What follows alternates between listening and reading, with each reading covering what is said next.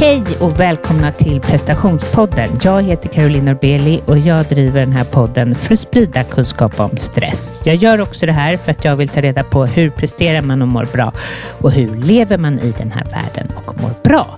Prestationspodden har ett nyhetsbrev, ett väldigt välläst nyhetsbrev och eh, vill du ha mina eh, de bästa avsnitten och de bästa gästernas tips eh, och dessutom tips från min vardag, hur jag tar hand om mig själv, vad jag läser etc.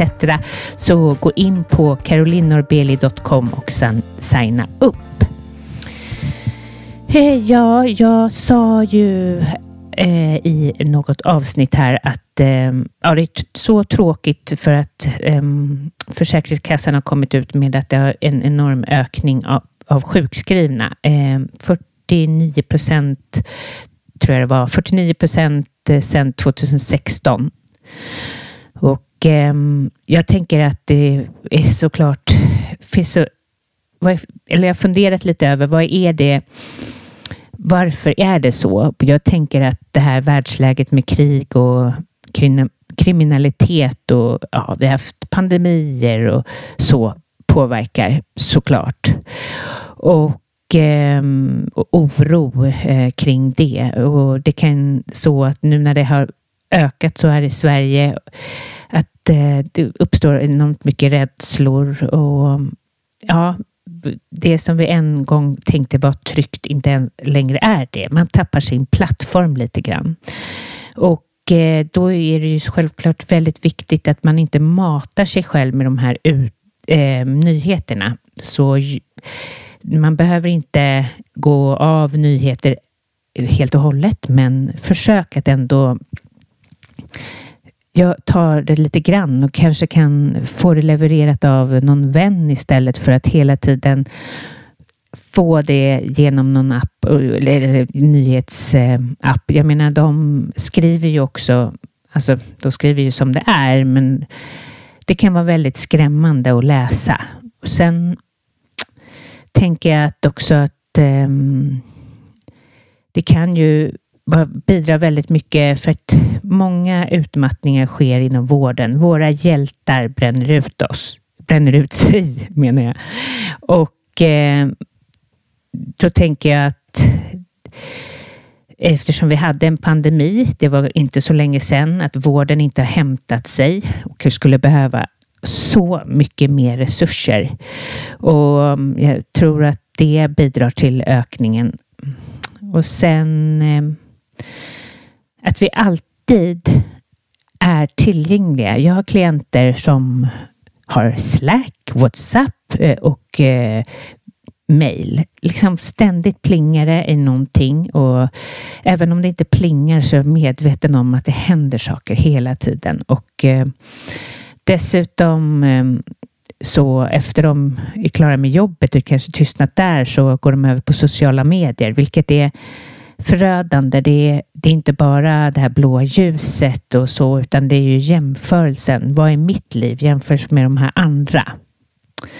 Och sen tänker jag att vi lever i en värld som det har aldrig varit så lätt för att jämföra sig och det har aldrig varit så kravfyllt.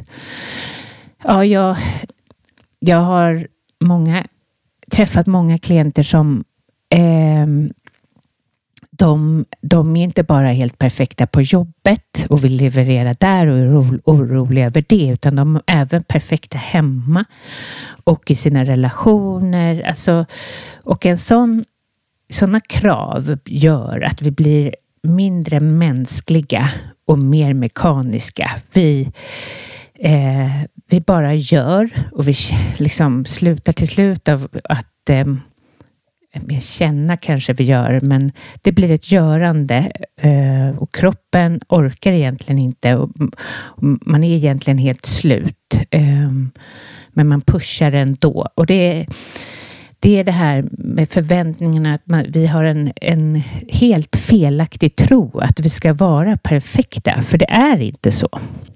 Och jag tänker så här, nu är podden viktigare än någonsin. Eh, prestationspodden är så viktig, för jag vet att eh, inte bara ger min eh, podden tips om hur man, hur man kan må bättre, men det är också så att den tröstar har jag fått höra på flera olika håll.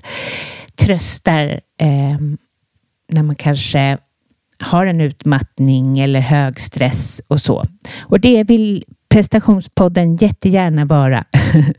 Men vill, jag tänker så här. Jag behöver att ni eh, eh, sprider podden. Så gå in på er podcaster-app och gå in och lämna en recension. Det finns om man scrollar ner lite så finns det möjlighet att lämna en recension om avsnittet. För det behöver jag eller behöver jag, det behöver podden, det behöver alla utmattade för att de ska hitta hit helt enkelt. Och om det inte är så att du vill lämna en recension så kanske du kan berätta om, om podden till någon annan eller sprida den via dina kontakter på sociala medier eller vad som helst. Jag blir så tacksam. Normally, being a little extra might be a bit much, but not when it comes to healthcare. That's why United Healthcare's Health Protector Guard fixed indemnity insurance plans, underwritten by Golden Rule Insurance Company, supplement your primary plan so you manage out of pocket costs. Learn more at uh1.com. Ja, jag eh, jobbar hemifrån och det är ju höstlov och min... Eh, ja, jag ska åka och hälsa på min pappa med barnen. Eh, vi har inte varit där innan pandemin, men alltså vi har träffats på andra sätt. Han bor i England och eh, jag ehm, Ja, jag har inte varit där sedan min farmor dog faktiskt. Farmor som var min bästa kompis. När hon dog så slutade jag hälsa på. Det var inte så schysst. Men det är faktiskt pandemin som har eh, lite satt stopp och det är inte så lätt att eh, bara kunna ta sig iväg när som helst. Men jag hoppas att det här blir en bättre resa än vad den blev. Jag tror att det kunde vara kanske 2012 eller något sånt eh, då jag och min son skulle åka eh, till min pappa. Och jag tror att jag har berättat det här i podden kanske förut någon gång, men det här är så sjukaste resan. Jag kommer till Arlanda. Jag har inte sovit någonting för att eh, Lukas var liten. Vi eh, går in och de bara frågar efter pass och jag har glömt passet. Och jag tror i samma veva blev jag så nervös att jag tappade bort min plånbok. Jag fattar inte hur det gick till. Jag hade alltså inte med mig passet, inte plånboken och eh, jag ville ju inget hellre än att komma till pappa. Så vi går ut och eh, jag får en taxichaufför köra oss gratis till passenheten. Jag står där, berättar att jag eh, inte har några pengar och undrar om de kan fakturera mig. Då en kille på kanske 26 år eh, går fram och betalar 800 kronor. Alltså vilken hjälte.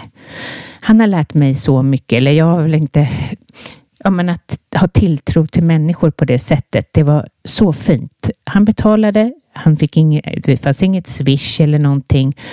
Eh, han fick mitt nummer och eh, ja, han hade ju sett rätt. Jag betalade ju självklart dagen när jag kom, eller efter när jag kom fram. Men det slutade inte vara så himla otroligt konstigt. Jag, jag förstår, jag hade verkligen inte min bästa dag. Jag hade även glömt. Pappa vill alltid ha skagenröra. Ehm, det hade jag glömt i kylskåpet. Mm, alltså jag hade haft veckor av sömnlöshet med min son.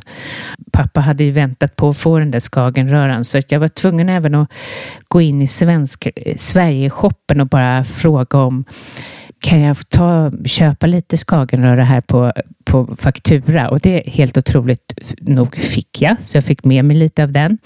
Sen eh, så skulle, vi sta, skulle flygplanen starta, men det var liksom lite dåligt väder, så det startade säkert inte på två timmar. Jag fick sitta i min trötthet och, och roa min son som hade full med energi och liksom inte förstod varför vi bara stod där stilla och det var bara, ja ni vet hur det är att resa med småbarn. Det var otroligt jobbigt. Och när vi landade skedde samma sak. Det, vi fick stå på flygplatsen och bara vänta, vänta, vänta och jag fick roa, roa, roa. Och, alltså, eh, ja, nu när så här i efterhand så fattar man inte hur man orkar man blir ganska bekväm när man har en 14-åring och 10-åring. Det är andra insatser som krävs, men inte de där aktiva. Och sen i alla fall när vi kommer ut där så ska vi in i eh, eh på Arlanda och eh, eller vad säger jag? På Arlanda, vi är på Heathrow och då, ska, då, stod, då, skulle, då hade pappa fixat att det var någon annan som hämtade oss. Så ska vi sätta oss i bilen och bilen startar inte. Eh, nähä, nej, så jag fick ta vi fick sätta oss i en taxi. En resa som normalt sett tog fyra timmar. Jo, tog inte det. Tog sex timmar på grund av snö. Och vi kan ju bara hålla tummarna för min del att det inte blir något liknande. Nej, det var någonting utöver det vanliga och ja, man kan ju förstå hur trött jag var på den tiden när man hade ett litet barn och första barnet utan sömnbrist. Man var inte van, eller vad säger utan sömn. Man var inte van, van att inte sova. Herregud, nu är jag ändå ganska drillad i det. Man klarar saker, men jag gjorde verkligen inte det. Det var en chock för hela systemet att inte sova. Och ja, ehm, jag bara tänker på alla som har små barn och på mig själv, vilka hjältar man har varit, eller ändå för att orkat allt det här. Jag har några eh, tips som jag skrev om på Carolina och Billy coaching. Eh, ni får gärna följa mig där. Eh, på Instagram alltså. Eh, för, för till dig som behöver minska stress.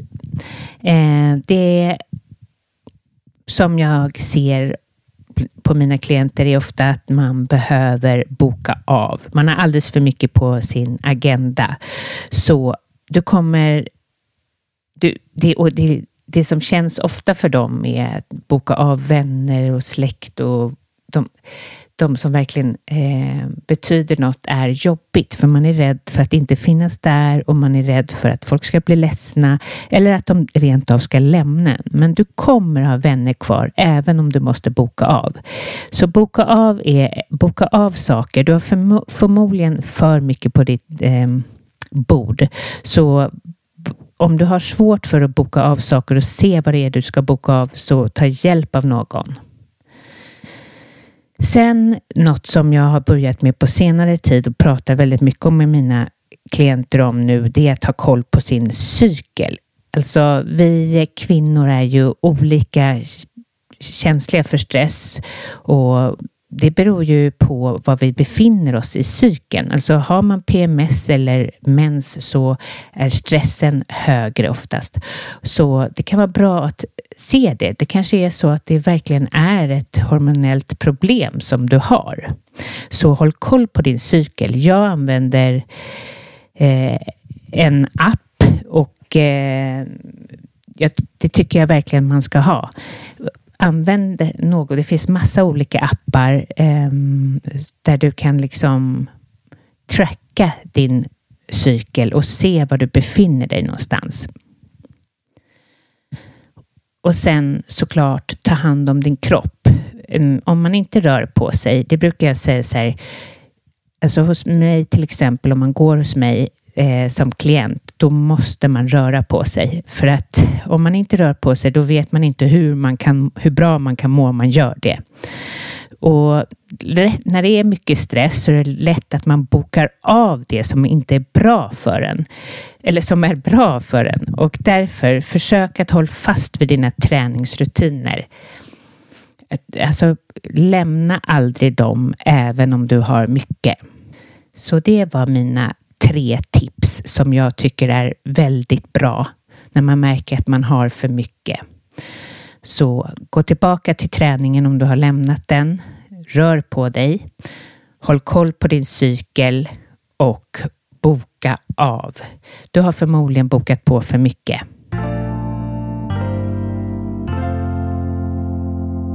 Jag har platser kvar i min coaching så är du intresserad av att börja jobba med din stress, jobba med dig själv, kanske hitta ett nytt jobb, ny karriär, i huvud taget må bättre så är du varmt välkommen att komma till mig eh, för ett en första gång som är helt gratis, 30 minuter, där du får träffa mig och eh, avgöra om jag är rätt coach för dig.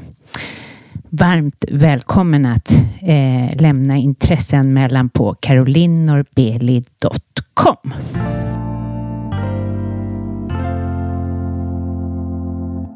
Till det här avsnittet har jag intervjuat Camilla Ahlqvist. Hon är en härlig och varm person som är grundare av eh, det holistiska träningskonceptet The Practice.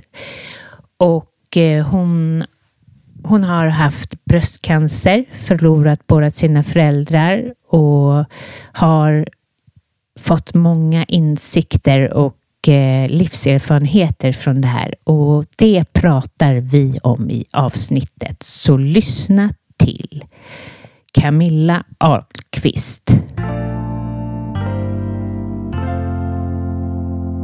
Hej och välkommen till prestationspodden Camilla.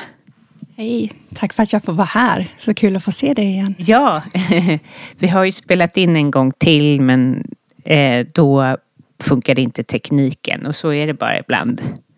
Life interrupted. Ja, ja. ja. Berätta, vem är du? Jag heter Camilla Ahlqvist. Jag anser mig själv som en third culture kid. Jag har rest och levt lite över hela världen. Uh, född i Venezuela, uppvuxen i Peru och Thailand och sen Miami och sen New York i flera år, um, ungefär 15-16 år. Och sen landade jag här i Sverige och uh, delar min tid mellan Stockholm och Göteborg. Och då har jag en praktik som heter The Practice som jag utövar både i Göteborg och Stockholm. Och eh, den känns väldigt spännande att ta med hit till Sverige. Roligt, den ska du få prata mer om.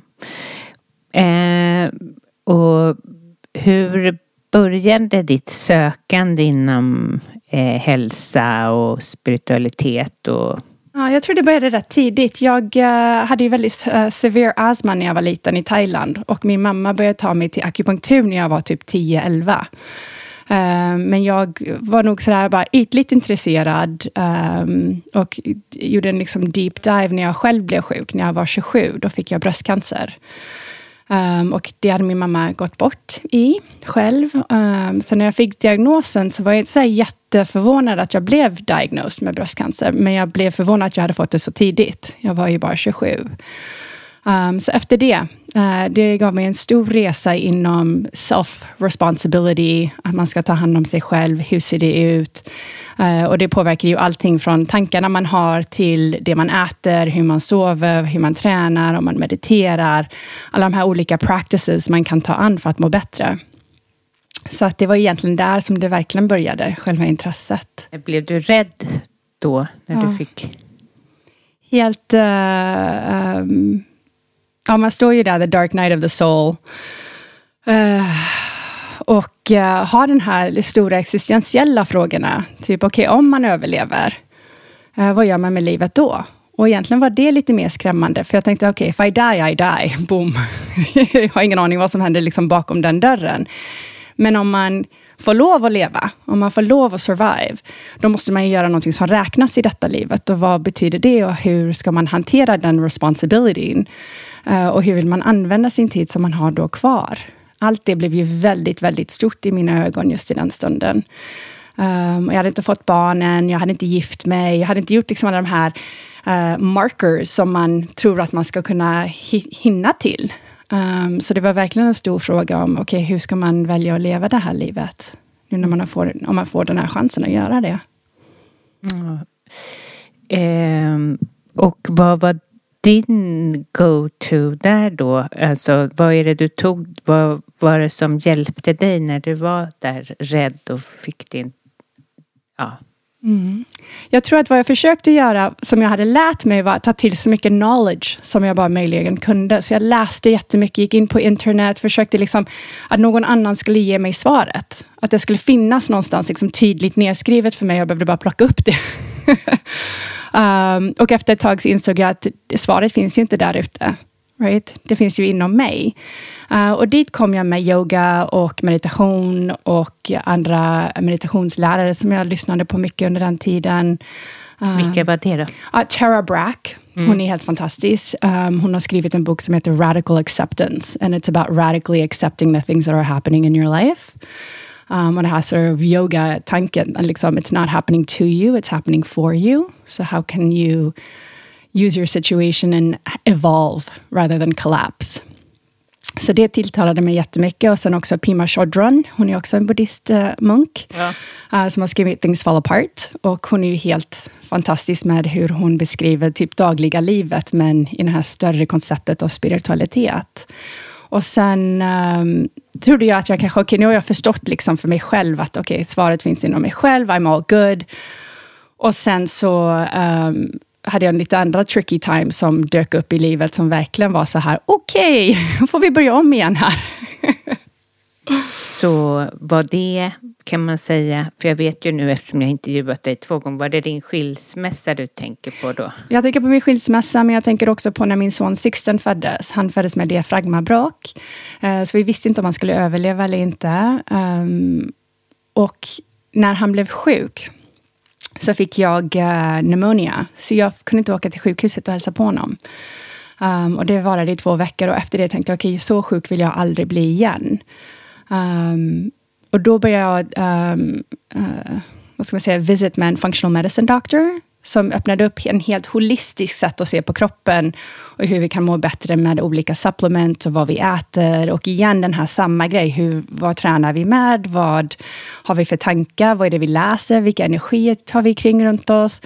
Um, liksom hela paketet. Och sen dess har det bara varit liksom full on. Um, Men, och vad var det bästa rådet av dem då för dig? Ja, det var ju det här väldigt lätta, simple grejen att man ska boosta sitt immunförsvar.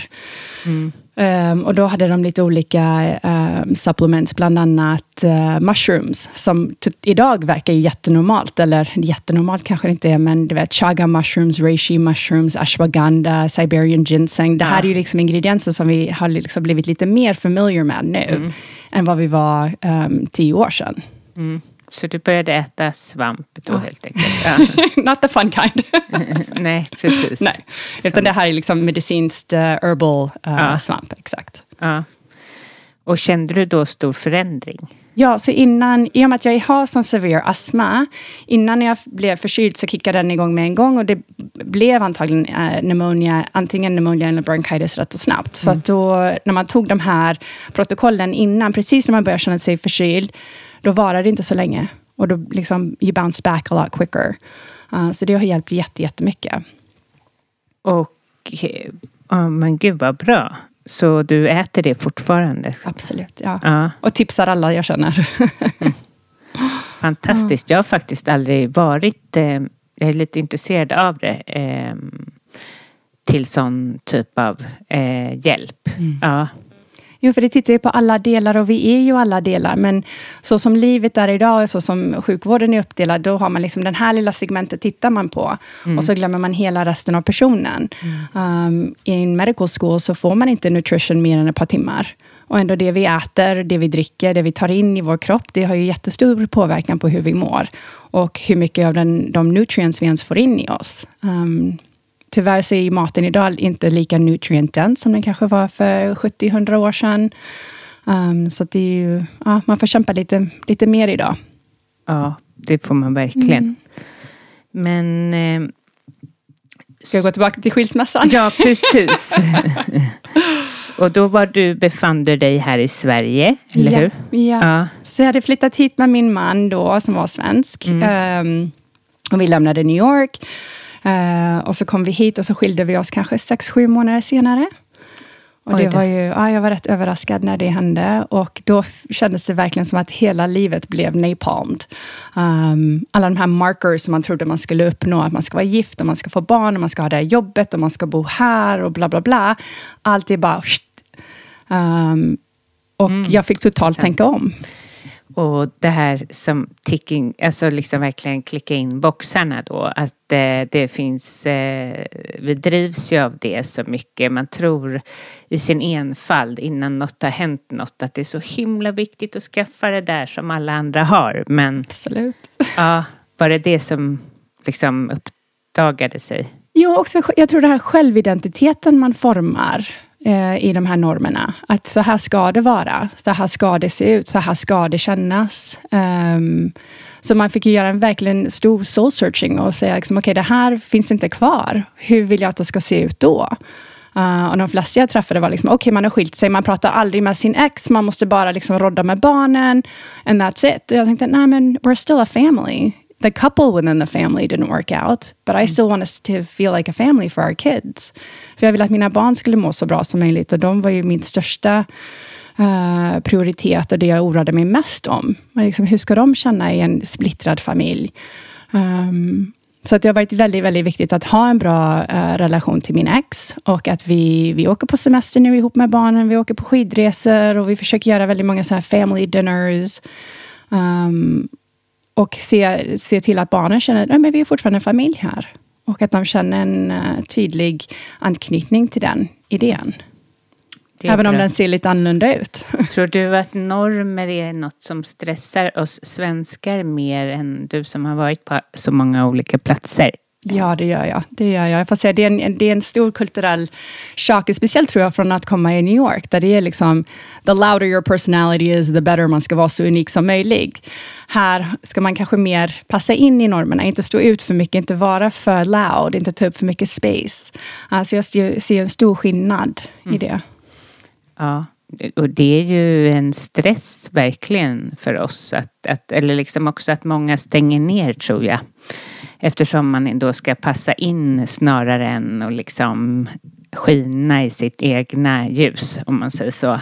Ja, men absolut. Och jag tror också man, man glömmer av att man har en väldigt unik röst och att man har en unik eh, liksom, sätt att vara i världen. Och det är ju det vi vill bjuda på. Det är ju det vi vill komma åt. Mm. Um, jag tror att livet blir mycket mer intressant och spännande när man kan dela olika idéer och uh, få vara den man är. Så om, mm. om jag skulle kunna bjuda in någon att känna sig lite mer brave, lite mer courageous, att verkligen tänka efter, okej, okay, men vänta lite nu, hur är det verkligen jag känner? Hur vill jag ha det?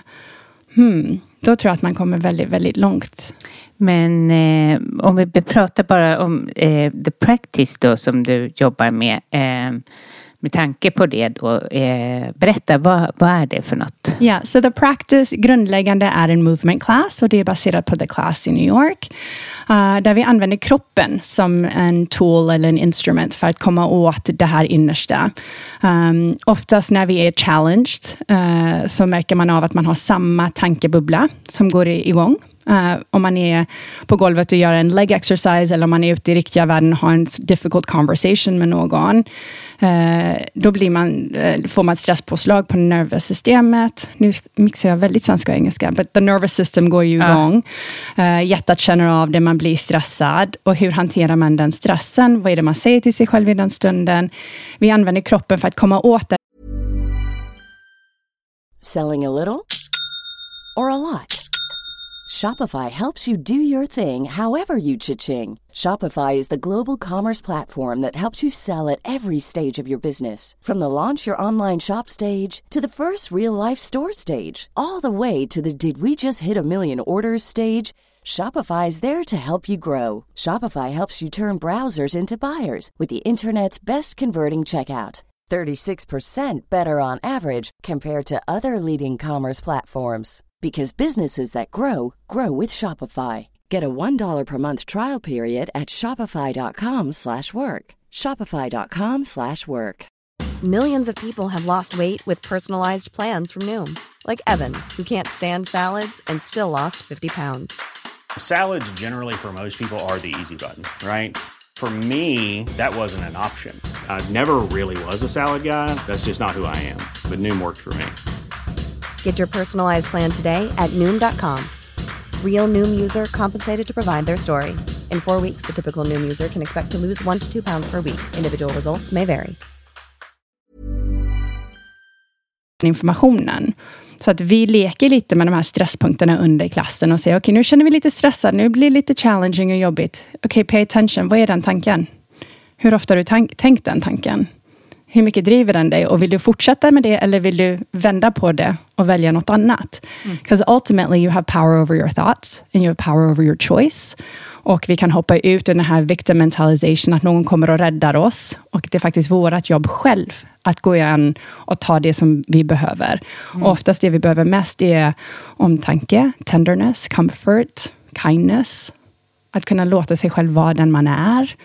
Uh, så vi jobbar lite på de här olika principerna genom den här movement class, där vi också skakar och dansar och gör burpees och lyssnar på härlig musik. Och det är en väldigt uh, levande upplevelse. Mm. Vad härligt, vad mm. härligt. Ja, jag ser fram emot att komma dit. Men jag tänker att här har ju du på något sätt, eh, det är ju inte precis som alla andra klasser och sådär, utan kanske ett tecken på att du vågar bryta normer lite, eller? Ja, jag ja. tror jag kommer in där lite som the loud New Yorker. Um, ja. Jag står och skriker och svär och hoppar och dansar och liksom mm.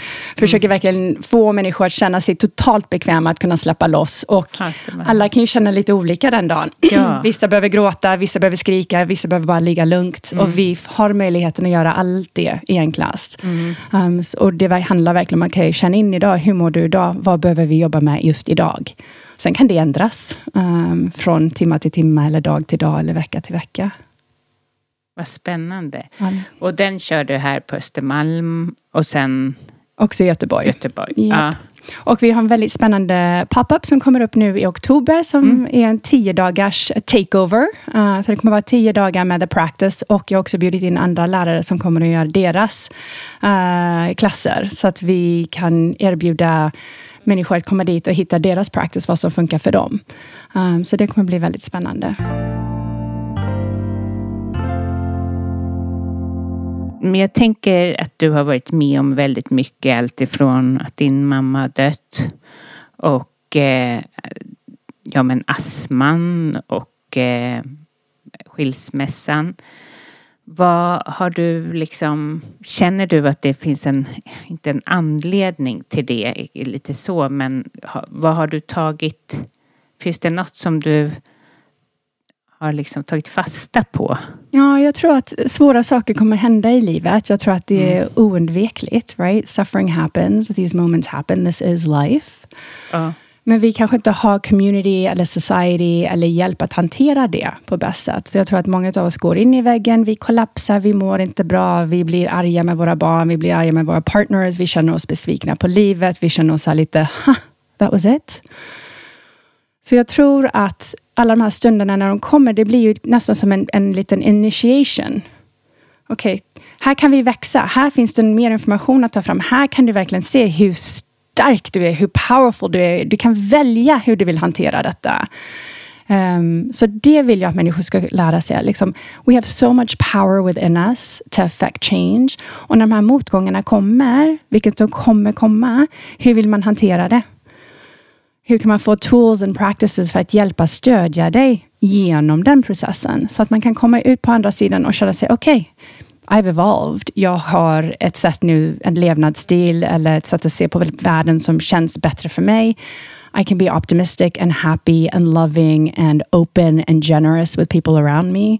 Um, och at the end of the day så känns det som att det är verkligen människorna vi kommer i kontakt med som är hela storyn. Ja, men eh, hade du då alltså meditationen, eh, den lärde du dig efter efter din mammas bortgång eller hade du det? Nej, jag lärde mig nog det när jag eh, själv fick bröstcancer. Min mamma ja. gick bort när jag var 14 och då gjorde jag den typiska att jag bara shut down the mind, hade inga känslor. Så fort jag kände någonting var det bara att trycka bort och repress och deny and avoid. Ja. Och bara låta det koka upp lite här och där oj, oj, oj. Um, genom ja. andra situationer. Så det, Och jag tror tyvärr så är det liksom det typiska sättet som vi lär oss att hantera den mm. här stora känslorna. Ja. Uh, sort of the unspoken, shameful, difficult things. Men det kunde du till slut inte fortsätta med och det kanske då din bröstcancer, efter det så, så var du tvungen till att hitta din ja. praktik. Ja. ja.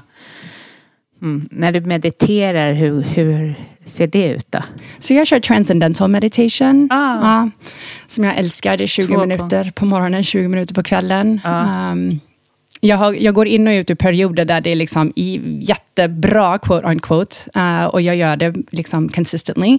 Och sen kommer det perioder typ under sommaren där det går iväg lite och så får man ta an den igen. Och mm. Det känns som det är ju lite livet, lite acceptans, att man kan inte vara rigid hela tiden med Nej. även practices som Men hjälper har du gått sån, sån kurs?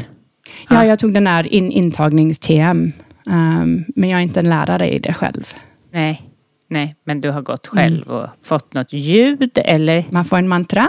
Ett mantra, ja. Den är specifik och unik till varje person. Mm, jag är jätteintresserad av det där. Jag borde egentligen intervjua någon kring det. Ja. Eh, men, och jag är så här, kan inte någon bara ge mig det mantrat? Måste jag betala allt?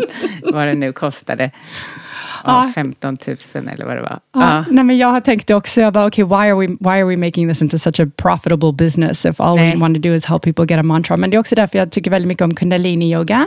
Där använder man också mantra och ljud och sound frequency. Och det gör ju en fysiologisk skifte i kroppen. Man mår bättre. Um, man påminner sig själv att man är en direct source. Att, du vet, man är inte bara jag i mitt ego, utan det finns ju så mycket, mycket mer runt omkring oss. Nej, det här måste jag. Jag måste söka vidare för det här helt enkelt. Ja. Men två gånger om dagen, det är väldigt mycket också kan man säga. Eh, Ja. Jag har ju svårt med en. Alltså jag gör en gång om dagen. Men sen tänker jag så här, när, men, men man hittar väl Ja. tillfällen. Och jag tror också, beroende på vart man är i livet, så behöver man det mer. Um, Så när jag gick igenom min skilsmässa, då var det så mycket kaos och så många känslor, så jag behövde en anchoring point på morgonen och en på kvällen. Och hela dagen liksom levde runt, om, runt de här två stunderna, där jag visste, okej, här kommer jag kunna landa. Fint. Oh, och kunna liksom ta mig igenom de här nästa timmarna. Ja. Men det är ett jättebra tips. Alla måste ju inte gå och få sig ett mantra, men att just ha två sådana ankare. Att ha en på morgonen och en på kvällen när det är tufft. Liksom. Och det kan vara tre minuter, eller Ja. hur? Det är ju bara en stund där du vet att du har lagt undan och prioriterat dig själv. Och att du gör det till en practice. Okej, Mm. nu ska jag sätta mig ner och ta de här minuterna för mig själv. Landa in. Oh, komma tillbaka till en annan typ av center. Få lite bird's eye view från det som händer. Den här minutia som händer i vårt liv, som vi kan bli väldigt involverade i. Och sen få lite distans, få lite space, andas lite djupare, lugna ner nervsystemet. Bara okej, and go again. Ehm, vad tror du gör att svenskar är har så mycket stress i livet? Good question. Det är så roligt, för jag tycker New York har också så himla mycket stress i livet. Men jag tror att det är lite de här normerna vi har här i Sverige. Att man måste vara på ett visst sätt. Det är mycket snävare. Uh, the lane som vi får lov att operate inom. Um, så att jag tror att det har en stor påverkan. Ja, gud, det verkligen kommer eller en bra sak tycker jag är att börja sätta sig ner och skriva ner vilka normer lever jag efter och vilka vill jag leva efter och börja ta kontroll över den här normgrejen. Tycker jag att det är viktigt att ha en, ja, vad det nu är, eh, en bra bil. Det kanske man inte gör och ändå känner så här en avund. Åh gud, jag vill ha, eller man tror att det är egot som tror att den vill ha en viss sak. Eller hur? Alltså Ja. ta kontroll över sina normer. Jag sitter Ja. och skrattar här lite, för vi har precis gjort en exercise som, som jag kallar för the internal boxes. Right? För att i New York så har man en viss låda man ska försöka passa in i. Ja. I Sydamerika fanns det en helt annan låda med helt andra normer. Och i Sverige en helt annan låda. Så liksom, what are our internal boxes that are keeping us stuck in something? Och Ja. vissa grejer är fantastiska och det är bra, för man har tradition och, och customs och en lineage som man vill anchor into, som ger oss security. Men när det börjar påverka oss, där vi inte känner att vi kan uttrycka oss själva, då måste man ta tag i just det och fråga de frågorna. Okej, vad är normerna jag lever med? Consciously or unconsciously? How are they affecting the way that I'm approaching my life? Are they keeping me stuck? Are they keeping me small? Okay, is it as important as I think it is? Why? Gud vad bra. Du vet, Ja. Ah. forska riktigt lite djupare i alla de här mm. trådarna och det går ju från liksom your relationships to your friends, your relationships with your partners, where you're working, what Ja. you're doing with your children, how you're spending your time. Du vet, när man verkligen börjar titta lite mer holistically på allting, Ja. eh, då kan det bli lite så här, oh shit, lite scary. Verkligen. Eh, men just det här med att du nu igen då, för jag har haft mycket död i, i, i podden på senaste, men eh, att döden har varit så synlig för dig, att förlora sin mamma, det är ändå en av de största grejerna man kan vara med om, eller vad man ska säga.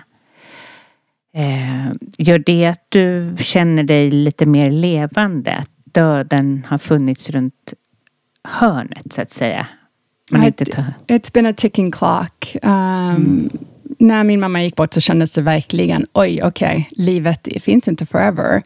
Det, man, måste, man måste se till att man får gjort alla de här sakerna man ska få gjort. Ja. Alla de här stora drömmarna, stora mm. visioner. Um, jag tror jag har lugnat ner mig lite nu. Um, och fått mer en uppskattning för varje dag. Uppskattning för de här små moments. Um, och, och jag markerar dem. Um, jag försöker verkligen ta an, liksom, om man får den här känslan, oh my god, my kid just did something amazing, att bara, okej, okay, let's really stanna upp och känna mm. helt fullt in i detta. Mm. Mm. För det är de här små stunderna som gör att livet känns betydelsefullt. Ja, verkligen. Ja. Mm. Eh. Men döden är tuff. Det roliga med döden egentligen är ju liksom, det är det enda garanterat vi har. Men vi har inga system, vi har inga sätt, sätt att liksom hantera detta på. Man har inget sätt att hantera sina egna känslor. Um, när min pappa var sjuk så var han och jag den enda som kunde ha en conversation om att han skulle dö. Och det är så lustigt, man pratar ju med alla runt omkring sig när man har allt annat på gång. Sitt jobb och man ska gifta sig, man ska skaffa barn. These are open conversations. Men om någon står in, inför dödens dörrar, då vill ingen prata om det. Nej, och när var det din pappa var sjuk? Uh, vad var den här sjuk? Uh, 2000, ska vi se nu, 14, 15 och så gick han bort 2015. Ja. Och hur tickar. kändes det då? Nej, det var jätte, jättetufft. Um, för då kändes det som man var helt ensam i världen. Man var ju plötsligt totalt föräldralös och jag hade två små barn och man tänkte, okej, okay, här får jag verkligen se till mig själv att jag får liksom, vart ska jag få stöd ifrån? Vart ska jag få, vem ska jag gå och fråga alla de här frågorna till? Nej, ja. nej, precis, jag förstår det. Men jag kan säga det man får inte mycket svar ju äldre de blir. I alla fall.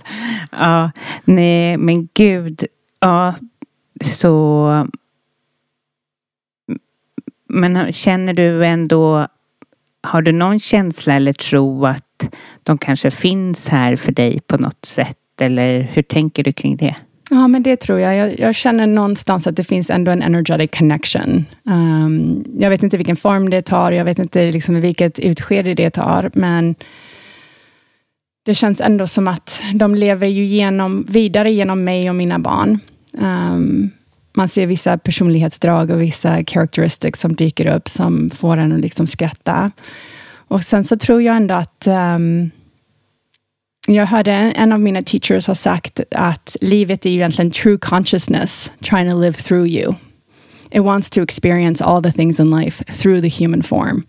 So consciousness arises through all of these people on the planet and every animal and every tree and every living thing. And it wants to experience what heartbreak feels like. It wants to experience the elated passion of love. It wants to explore the laughter of your child. It wants to explore when things, when you're crying. It wants to feel all of that. And isn't that magnificent? Och det har alltid gett mig en känsla av liksom, okej, okay, we're here right now to, to explore all of this, to feel all of this. Att vara mm. med om allt detta. Det är ju helt fantastiskt att vi får den chansen. Precis. Att då inte bli rädd för det jobbiga, utan låta det vara en del också. Ja, yeah, it's ja. a part of it. Ja. Men man har ju preferenser att man hellre vill bara göra det, det goda, quote unquote. Ja, precis. Ja. Bara vara med om det som är lätt och härligt. Ja, men hade du några syskon? Japp, japp. Ja, det är bra. Då har du några. Ja. Ja. ja. ja. Eh, och, eh, och, och delade med. Fast det är inte alltid man delar samma upplevelse. Mm. En syskon kan ju ha ett helt annat mm. upplevelse. så. Ja. Vad märker du på de som kommer till klassen om det är så att ni ser vad som är jobbigt där, just där nu, nu liksom. Vad är det som är jobbigt i människor just nu? Alltså. Det är att känna det man känner. Det är mm. absolut mm. det svåraste. Man vill inte känna de här känslorna när det är tufft och jobbigt Nej. och man börjar få judgments och tankarna går igång. Man är väldigt... Um, det är lättare att shut down, to deny, to repress, to avoid, to just be like, uh, -uh not going there. Men om man öppnar upp lite, det är då man också börjar träna resilience. Och det är ju därför liksom Wim Hof och ice baths och allt den här uh, movement har liksom gått igång. Det är okej, okay, man stressar kroppen för att kunna töja ut, kan man säga det? Liksom stretch the ja. edges of the experience. Och kunna hantera de här challenges, men fortfarande vara lugn inom sig själv. Och det är ju en skill som man kan använda liksom till allt möjligt i livet. Um, så jag tror att det är många som påpekar det. Att oj, okej, okay, jag visste inte riktigt att jag behövde känna så mycket.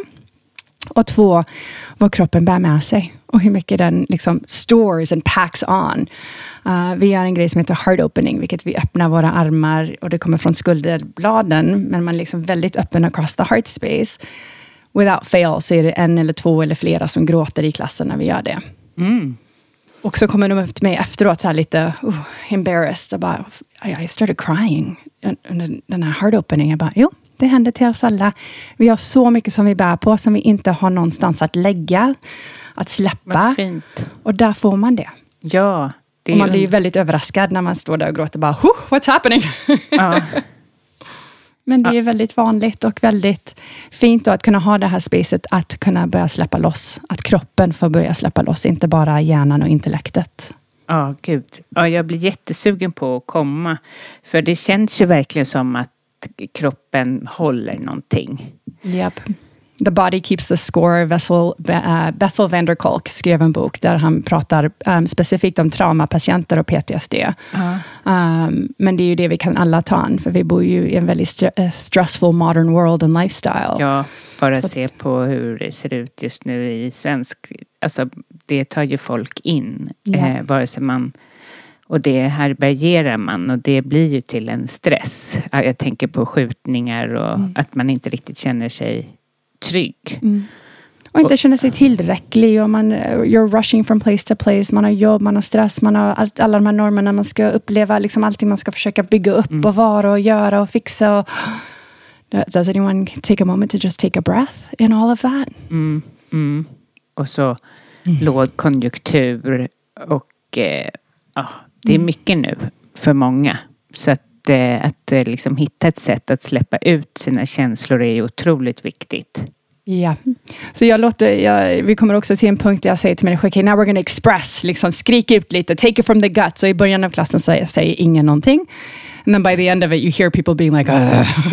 they're sort of growling and like börjar kunna lära sig att släppa loss. För det är också en annan grej. Vi har ju ingen space eller container att släppa loss vår anger, vår frustration. Uh, saker som vi går runt och bär på, som verkligen börjar grama på en, så här, liksom mm. anxiety och worries and fears. Så där använder vi kroppen som ett instrument för att få ut lite av det. A little bit by härligt. Är bit. du med i passet? Liksom? Ja, ja, så jag gör allting med er. Då får du också liksom släppa ja. på saker. Även om du håller space förstås. Men, ja. ja. ja, och jag tror att det är en del av magin där också. Att säga liksom, I'm right here with you. I feel what you feel. I know this is tough. Let's, let's do it together. Mm. Like I'm shepherding you, but this is you and your experience. Mm. Let's see where we go. Mm. Och that wouldn't be believable om, inte, om jag stod upp i början, liksom in the front of the class och bara, okej okay, nu ska jag göra six minutes of burpees, kör liksom, Men jag tänker, kommer. Vad kom din, alltså att du har kommit till att börja arbeta med just det här. Eh, vad, har, vad kommer det ifrån? Förutom att ja, kanske då din, att du sökte kring hälsa. Mm. Ja, jag får säga efter, eh, efter Sixten blev sjuk och min pappa hade gått bort, då var ju livet väldigt, väldigt mörkt och väldigt, väldigt tufft. Och jag hade inte riktigt förstått att kroppen behövde släppa på detta också. Um, jag visste inte riktigt that grief could look that, the way that it looked. Um, och när jag ramlade in på The Class i New York, en så jättestort loft med hundra pers, alla jumping jacks on the beat, burpees on the beat och den här fantastiska läraren som då coachade igenom. Det var första gången jag kände i min kropp, aha, okay, mind, body, spirit, it's all connected, it's all one thing. Like, wow, I've been keeping it so separate. Och det var ju det som lärde mig att integrera alla de här känslorna man har, alla upplevelser man har. Och att liksom släppa, to release, to let go och börja försöka rikta sin liksom kompass mot någonting som är lite större än sig själv. Mm. Um, så när jag flyttade till Sverige tänkte jag att I have to share this. People have to feel this. Um, och jag skojar att det är liksom the little gateway drug. Om man, inte, om man bara har tränat och inte testat liksom yoga, eller meditation, eller kundalini, eller breathwork, eller någon somatic therapy, eh, då har jag eh, typ trollat in dig lite. För vi gör alla saker som du vet hur man gör. Man vet hur man gör en jumping jack, man vet hur man gör en burpee. Man kanske inte tycker om dem, men man vet hur det ska gå till. Man kan lyfta sitt ben. Men att koppla det till en, den här inre rösten man har inom sig själv och kunna uppleva sig på ett helt nytt sätt, det öppnar ju upp en helt ny värld. Och därifrån kan man då forska vidare. Ja. Om man vill välja då breathwork, eller kundalini, eller cap, eller whatever. Mm. Det är väldigt spännande, när man kan öppna den dörren för någon. Mm. Gud vad spännande. Mm. Ja, ehm det är ju det, jag tror jättemycket på det. Alltså det går ju, man behöver verkligen både och. Alltså jag själv då springer och styrketränar, mediterar. Alltså en sak, hjälp, det skulle inte vara hjälpsamt. Man behöver mm. få med kroppen jättemycket. Ja. ja. Och jag tror också lite sådär challenging resilience, som du säkert känner när du styrketränar. Liksom, mm. Okay, kan jag göra en till? Kan jag, liksom, okej, okay, where is the edge nu? Liksom, kan jag gå lite längre? Okej, okay, så leker man lite där mm. med sig själv och sina, liksom, okej, where, where is the edge? Ja, Where verkligen. is it? Like, no more, I'm good now. Mm. Liksom, man kan inte sitta i sin safe zone. Eh, och bara göra hela tiden det man alltid har gjort heller. Alltså, jag tror att det är bra att utmana sig själv till lite nya saker. Ja. Vad det än är. Att liksom, för att växa, även om det är läskigt. Men ja, det tror jag väldigt mycket på. Man stelnar i safe zone. Japp. Mm. Jag då kan man bli för, gammal. Ja, men jag skrattar för det kan man ju. Man kan ja. ju välja att bara sitta kvar i sin lilla plats precis här. Men, och då har man ju hoppat in i en liten låda och så krymper ju den lådan little by little by little by little mm. by little. Liksom. Då blir ju livet väldigt litet, väldigt mm. smått. Um, Nej, jag hörde, det är inget nytt, men det bara kom till mig häromdagen och jag ska, jag ska ha så här stresscoachinggrupper på nätet, vilket är eh, något nytt då för mig. Alltså, eller ska ha. Jag har just kommit ut med att jag ska ha det, så jag hoppas att jag ska ha det i alla fall. Men ja, så bara av en slump så fick jag höra någon prata kring just det här.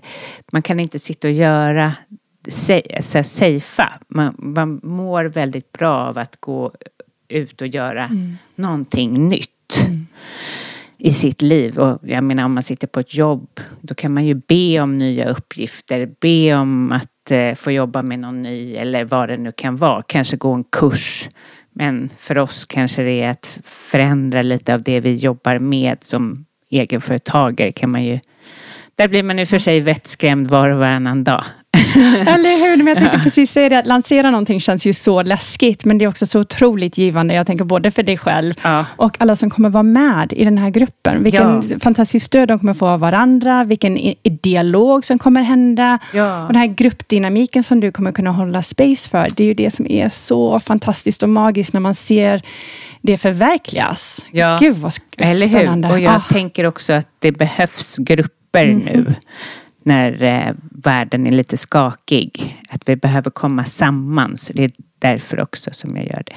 Absolut, jag tänker ja. we heal in community. Ja, var det inte Carl Jung som sa det? Ja. Liksom, we, ja, vi behöver varandra. Ja. Jo, jag hade en, någonting som jag läste på din...